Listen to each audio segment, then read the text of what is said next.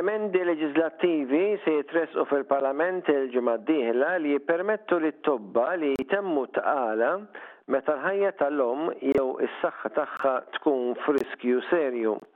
Ir-riforma ġiet imnedija u deskritta bħala favur il-ħajja mill-Ministru għas-Saħħa Chris Fearne.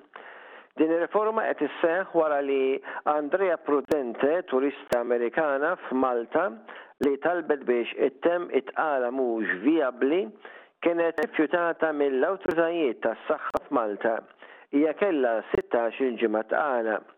Il-Ministru Fearne qal li l-Avukat tal-Istat għarbel ir-reġim legali ta' Malta biex jiġu identifikati legal loopholes li jeħtieġ jiġu indirizzati wara l-każ ta' din it-turista Amerikana.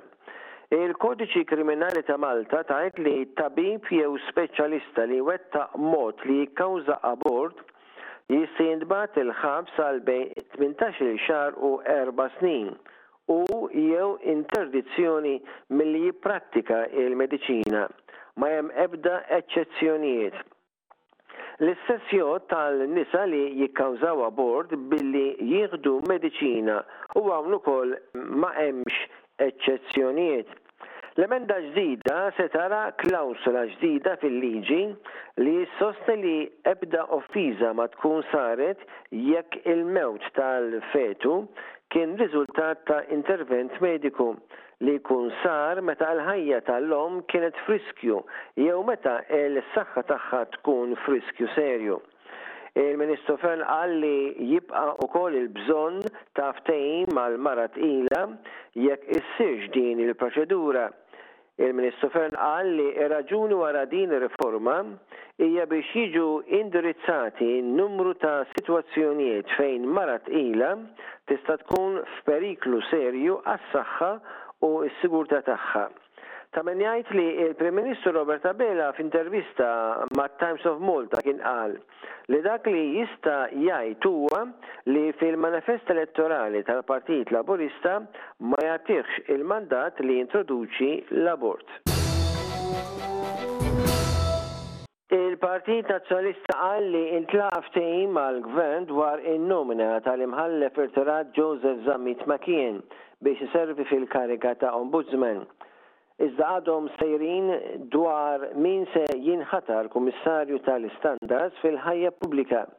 Il-Prim Imħallef irtirat Joseph Azzopardi qed jissemma li jista' jinħatar f'din il-kariga. Il-Grupp Parlamentari Nazzjonalista qal li jistenna li l-Gvern iressaq mozzjoni fil-Parlament biex Zammit Makin jinħatar bħala l-Ombudsman il-ġdid, ħatra li ssir mill-President wara li l-mozzjoni tikseb l-appoġġ ta' żewġ terzi tal-Parlament. Iżda qal li l-Partit Nazzjonalista jinsab diżappuntat li l-Prim Ministru mhux lest li jilħaq ftehim dwar il-Kummissarju għall-Istandards. Il-Prim Ministru aktar qabel kien qal li l-Gvern lest li jinvoga dak imsejjaħ bħala anti-deadlock mechanism għall-ħatra tal-Kummissarju jekk ma jkunx hemm ftehim ma' l-Oppożizzjoni. Qal li ż-żewġ Imħallfin kienu appuntati waqt l-amministrazzjoni Nazzjonalista u r-reputazzjoni tagħhom hija waħda mhux mittiefsa.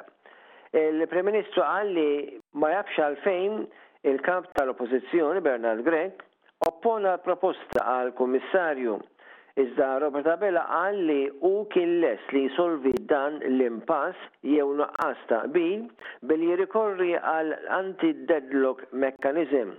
jiġifieri li ma tidħolx iż-żewġ terzi meħtieġa fil-Parlament u jmorru għall-maġġuranza sempliċi tal-Parlament.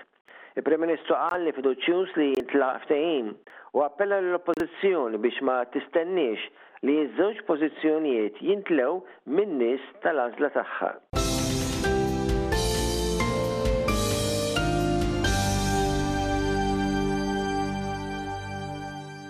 Il-Prim Ministru inawgura faċilità ta' Burmarat Group fil-Marsa, proġett li qam tnax-il miljun ewro.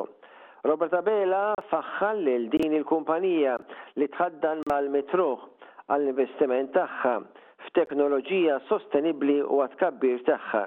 Il-fundatur ta' Burmarat Group huwa Mario Gauci li flimkien mal-familja imbarka fuq dan l-investiment fis-sena 1984.